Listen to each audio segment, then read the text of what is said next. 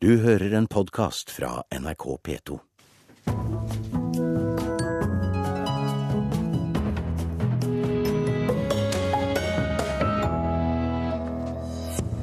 Dommen mot Justin Bieber-svindleren Waled Ahmed er utsatt nok en gang. Nordmannen risikerer ni års fengsel for billettsvindelen.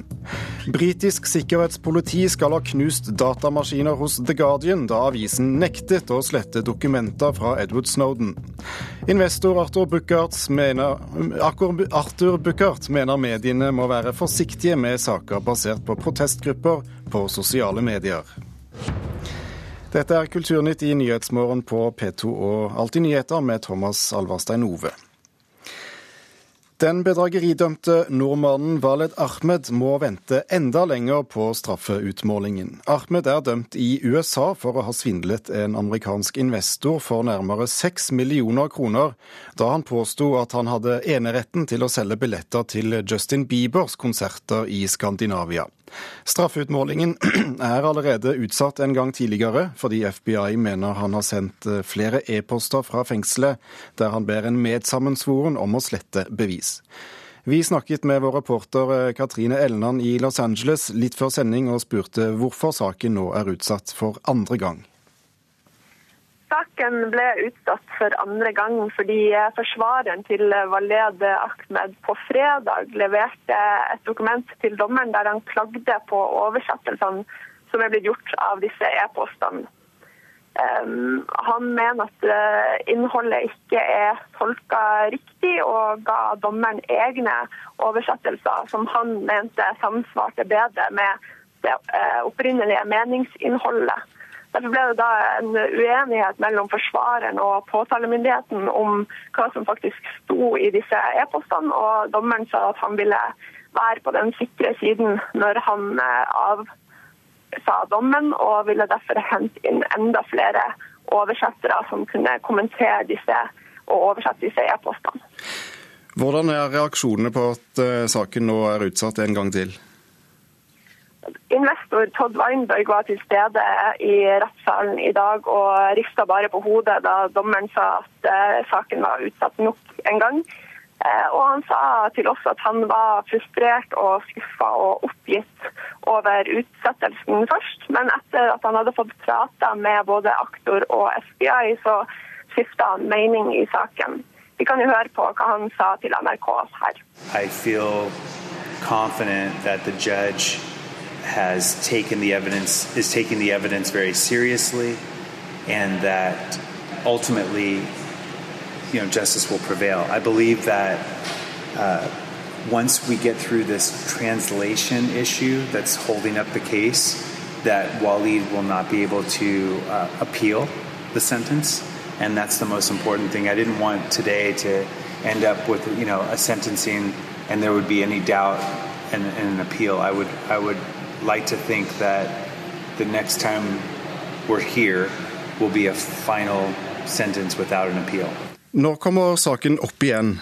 De må få tak i nye oversettere, så det kan ta litt tid. Eh, ifølge påtalemyndigheten så var det mangel på tolker som eh, kunne oversette fra urdu til engelsk. Så det er enda uvisst når saken vil komme opp.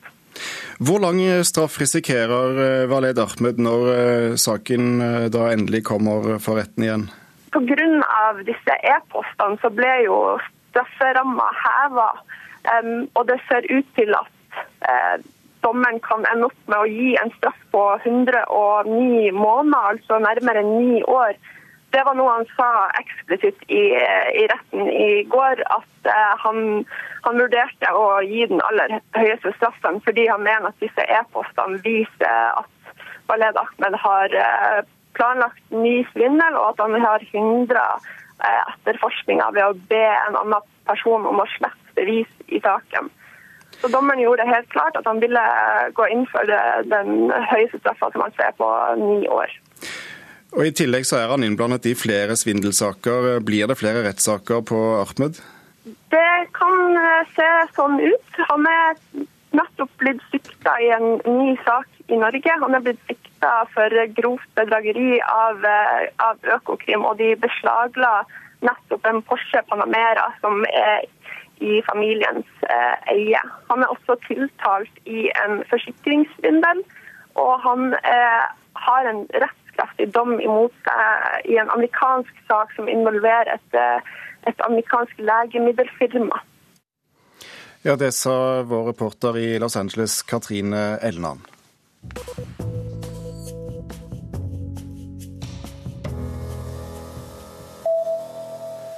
Norges to største auksjonshus, Blomkvist kunsthandel og Grev Edelsplass auksjoner, sliter med å få fart på kunstsalget.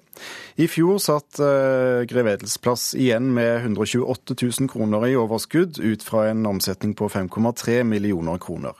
Daglig leder Hans Rikard Elgheim tror årsaken er at kunstmarkedet er mer selektivt enn noen gang. De beste verkene stiger i verdi, mens kunst som kan plasseres i midtsjiktet er vanskeligere å omsette, skriver Dagens Dagens Næringsliv.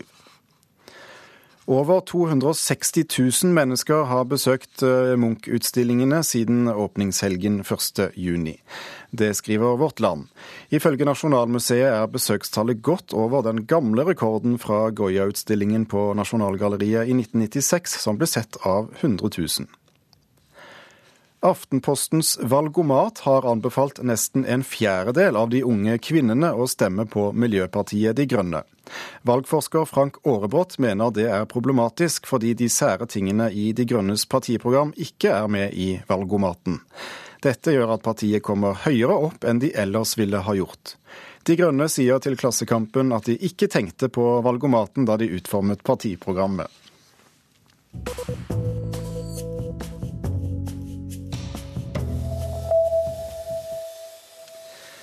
Britiske myndigheter skal ha tvunget avisen The Guardian til å slette dokumenter de hadde fått fra den amerikanske varsleren Edward Snowden.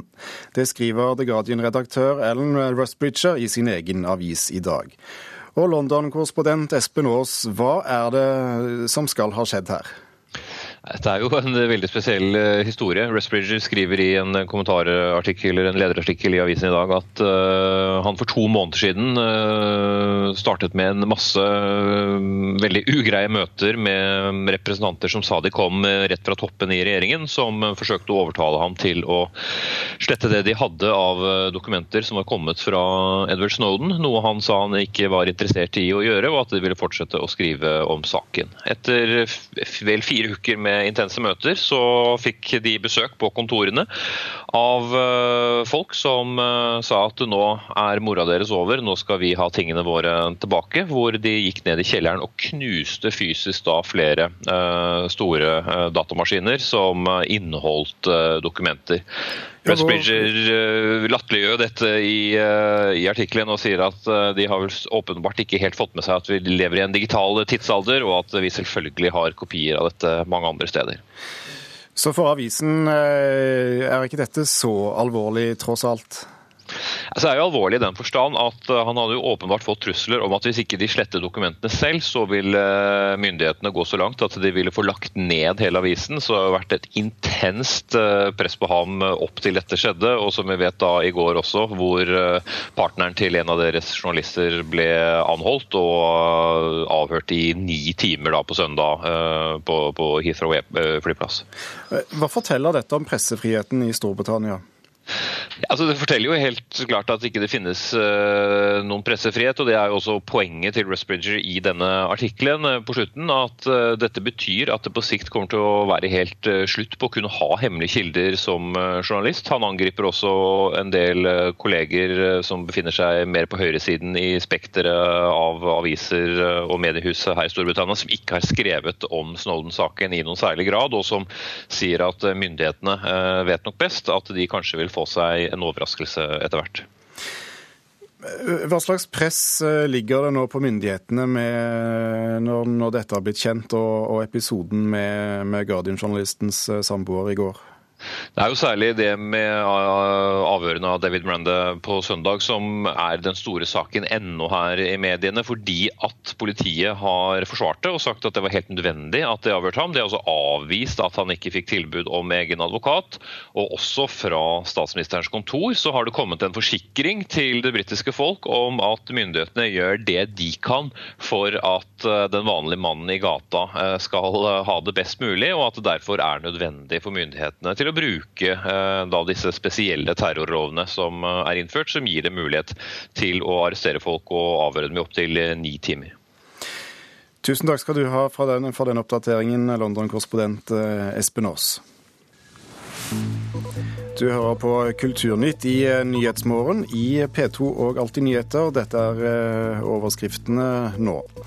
Norge lager ikke en effektiv skole, mener utdanningstopp. Satser på mange lærere fremfor gode lærere. Den øverste lederen for Det muslimske brorskap er pågrepet i Egypt. Og ulovlig bruk av isolasjon på glattcelle skal prøves for retten for første gang. Investor eh, Arthur Buchardt mener mediene må være forsiktige med saker om eh, protestgrupper på sosiale medier. Planene hans om et 60 meter høyt hotell i Tromsø skaper stor debatt i byen. Det snøhetta-tegnede bygget får særlig hard medfart på Facebook. Det vil jo ødelegge horisontallinja på hvordan byen ser ut. Det er jo et kulturmiljø og eh, det her kulturmiljøet det vil jo bli ødelagt med en sånn enorm koloss. Slik beskriver Mona Wold hvordan områdene der Buchards planlagte hotell i Tromsø strider mot sentrumsplanen om å verne kulturbygg. Hun danna ei protestgruppe mot det rundt 60 meter høye hotellet på Facebook. Der har over 1100 medlemmer meldt seg inn, og like mange har også satt sitt navn på underskriftskampanjer det er jo veldig mange som er på Facebook nå. Du når veldig mange. Vi håper jo selvfølgelig at vi får stoppa galskapen. Men uh, hovedmålet er egentlig å informere folk om hva det byrådet har godkjent. Berit Skog er førsteamanuensis i sosiologi ved NTNU i Trondheim og forsker på sosiale medier. Gode argument, mange medlemmer og følelsesmessig engasjement er nøkkelen til å lykkes, mener hun. Eh, enkelte aksjoner har fungert veldig bra. Og et aktuelt eksempel her i Trondheim, det er jo denne nyoppretta Gåsaparken, som det heter. Den var trua med nedlegging, og det er et nydelig grøntareal ved Nidelven i Trondheim. Hvis folk virkelig er engasjert og syns at en ting er viktig, så er ikke et like på Facebook nok. Og at når en virkelig er dypt engasjert, så går en ut og synliggjør sitt engasjement og sin protest. Dette med Facebook-sider og legge ut eh, protestaksjoner, det er helt eh, legitimt og betimelig. Arthur Buchardt, som skal bygge hotellet, er positiv til engasjement på Facebook men mener media på generelt grunnlag også må være mer kritisk til hva som skrives i sånne grupper, hvis de skal lage saker. Hvis eh, en redaksjon mener å fremstille dette som bare en gjengivelse av noe som er på Facebook, og at det kan være risiko for at det som fremstilles ikke er korrekt, da er det greit. Men hvis redaksjonen ikke er tydelig på det, og, og, og si det, da har man eh, et problem. Byrådsleder i Tromsø, Øyvind Hillmarsen, sier at de hadde flere folkemøter hvor folk får sagt sin mening. Han tror likevel hotellet vil få gjennomslag senere i høst, og mener det vil hjelpe Tromsø med å vokse. Man legger jo merke til hvis det blir selvfølgelig en sånn gigantisk protestbølge på sosiale medier. Selvfølgelig legger man merke til det. Samtidig så vet man at det er veldig lett å bare klikke liker på dette, som gjør at man på en måte har uttrykt sin mening om saken. Det er klart at Et demonstrasjonstog med 1000 mennesker det gir større inntrykk enn ei gruppe på sosiale medier med 1000, 1000 medlemmer bare, eller likes. Men det legges merke til, det gjør det. Reporter i Tromsø, det var Rune Eian. Konflikten mellom militærregimet og Det muslimske brorskap i Egypt er også en alvorlig mediekrig.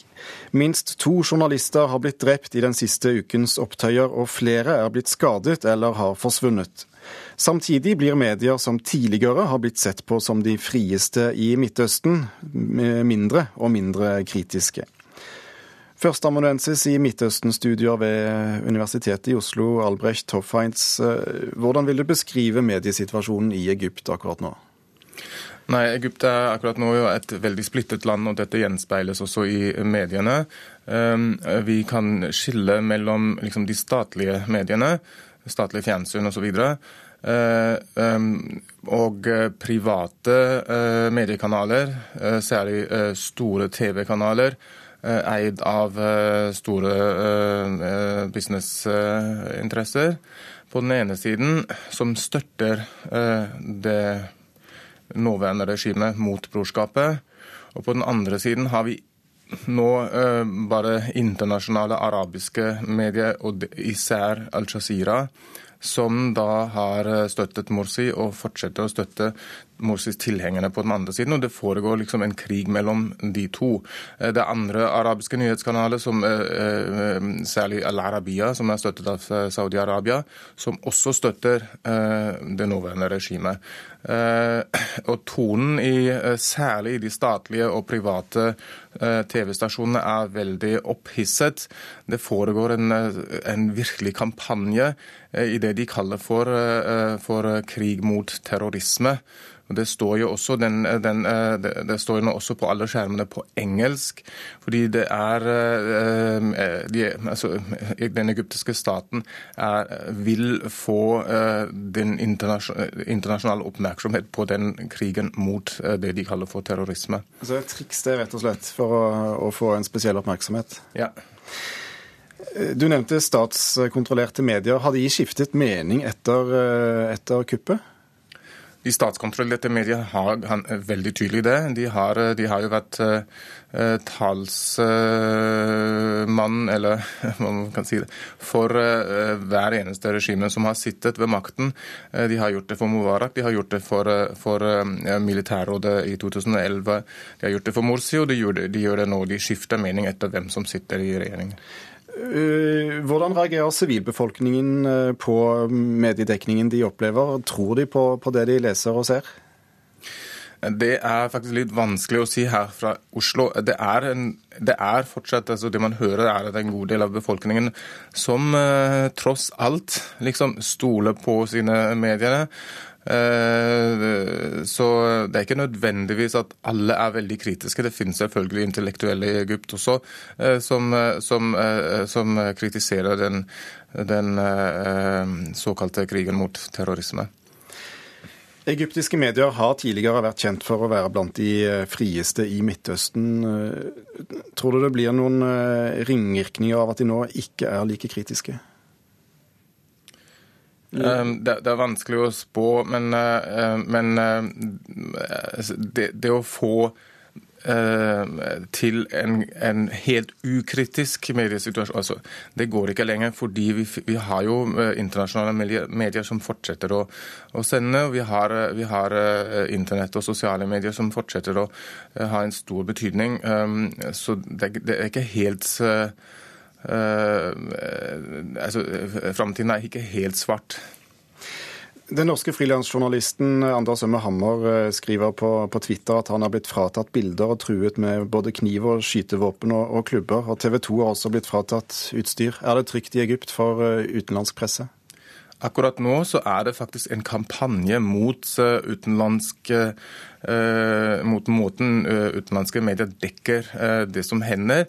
Og Det er faktisk litt farlig i Egypt akkurat nå, for ikke minst for journalister som blir beskyldt å være på Morsis side. Det er, det er, folk som vil spre frykt blant dem og, og få dem til å forlate landet eller til å holde seg tilbake. Og kanskje nettopp derfor er det viktig at vi eh, følger med fra, fra verdenssamfunnet. Tusen takk skal du ha, førsteamanuensis i Midtøsten-studier ved Universitetet i Oslo, Albrecht Hoffheins.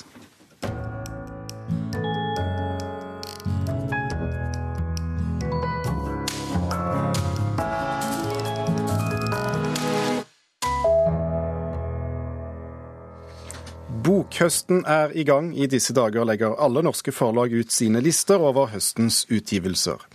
Og Marta Norheim, litteraturkritiker her i NRK, du skal lese mange av de bøkene, eh, om ikke alle. Hvis vi starter med skjønnlitteratur, hva ser du frem til å lese? Ja, Det jeg ser der, er at eh, en utvikler seg nå litt vekk fra denne her eh, veldig sjølbiografiske eh, lesinga eller litteraturen som har vært i senere åra, og er blitt mer interessert i litt sånn lengre linjer i slekta. Vi så det i fjor med Ole Robert Sunde, som hadde den der 'Krigen var min families historie', som, som også ble nominert til Nordisk råd.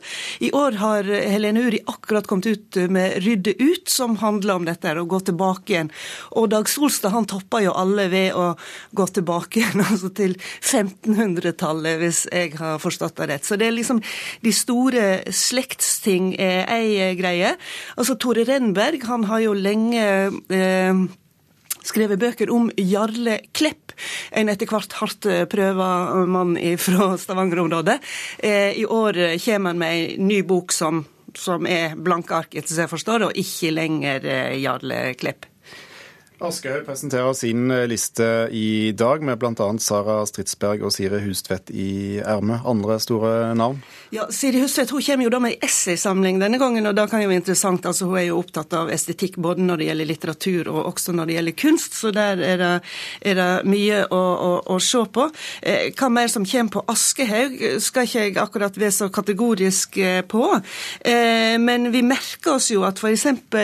Thomas Espedal, den fryktløse kriger fra Bergen. Han eh, kommer med boka 'Bergeners', som jo er en, eh, et lite blink, tror jeg, til 'Dubliners' av eh, James Joyce. Og han, han tar tonen høyt. Ja, Er det en bok som vil bli den store snakkisen i høst, tror du? Eh, blant skjønnlitteratur er ikke det så veldig lett å se. altså Det blir jo alltid snakkes når Dag Solstad kommer nå, ikke sant. Men, eh, men Herbjørn Wassmo skal også komme med bok. Jeg er ikke helt skråsikker på at det er en roman, men det tror jeg. altså Disse øyeblikk. Hun har jo et stort uh, publikum. Uh, men, men, liksom, uh, om det er veldig mye krutt på skjønn, er jeg ikke så sikker på. På sak er det vel en del krutt, vil jeg tro. Ettersom det nå er kjent at uh, Marit Christensen skal skrive bok om mor til uh, Behring Breivik. Der vil jeg tro, etter Åge Storm Borchgrevinks bok i fjor, som la veldig mye vekt på oppveksten til Breivik, så vil jeg tro at denne boka blir omfattet med stor interesse og også, også debatt. Ja, I hvilken grad uh, preger fortsatt 22. juli uh, sakprosalistene? Ja, I mye mindre grad eh, enn den har gjort de senere åra, naturlig nok. Og nå, nå går en jo ut i litt, litt bredere perspektiv, og sånn skal det vel være. En annen ting som en merker, er jo at i fjor kom det ufattelig mange politikerbiografier og pamfletter. og manifest, altså Valla og Haga og Høybråten og Ballo og Halvorsen, en hel gjeng. I år er det mye tynnere blant eh, politikere. Men eh, Pål Steigan, altså en av de som eh, grunnla eh, AKP-ML, og som var veldig sentral der i, i mange, mange år, bl.a. som formann i nesten ti år, han kommer med, med en biografi som har fått det talende eh, navnet En folkefiende. Og der kan han nok også ligge en del eh, debattsaker på lur, for AKP-ML er jo eh, fremdeles ganske kontroversielt og, og irriterer temmelig mange som syns at mm. Eh, gamle AKP-ere ikke har tatt et skikkelig oppgjør med sin fortid. Flere biografier som har vært å nevne? Ja, altså det er jo mange Altså, Ivar Aasen-biografien er jo akkurat kommet. Nå kommer Halvdan Koht-biografien, og så kommer Olav Dahlgard-biografien, og så kommer Ingrid Espelid Hovig. Og for meg som nynorsking så slår det meg at det er ufattelig mange nynorske eh, kulturpersonligdommer som, som får eh, sin biografi. da. Eh, og i tillegg så har vi da Arve Tellefsen som, eh, som eh, blir eh, biografert. Så, så, det er mye biografistoff. Håkon og Maud bind seks. Eh, av Tor Boman Larsen kommer også. Det er jo en slags utvida biografi. Så biografier er det ikke slutt på. Veldig mye å glede seg til eh, denne bokhøsten. Tusen takk skal du ha, eh, litteraturanmelder Marta Norheim. Kulturnytt må runde av denne morgenen. Vi har hørt at dommen mot Justin Bieber-svindleren Valed Ahmed er utsatt for andre gang. Nordmannen risikerer ni års fengsel i USA for å ha svindlet en amerikansk investor. Og Britisk sikkerhetspoliti skal ha knust datamaskiner hos The Guardian da avisen nektet å slette dokumenter fra Edward Snowden. Produsent Gjermund Jappé, teknisk ansvarlig Beate Haugtrø og programleder Thomas Alverstein Ove overlater mikrofonen til Nyhetsmorgen og Øystein Heggen.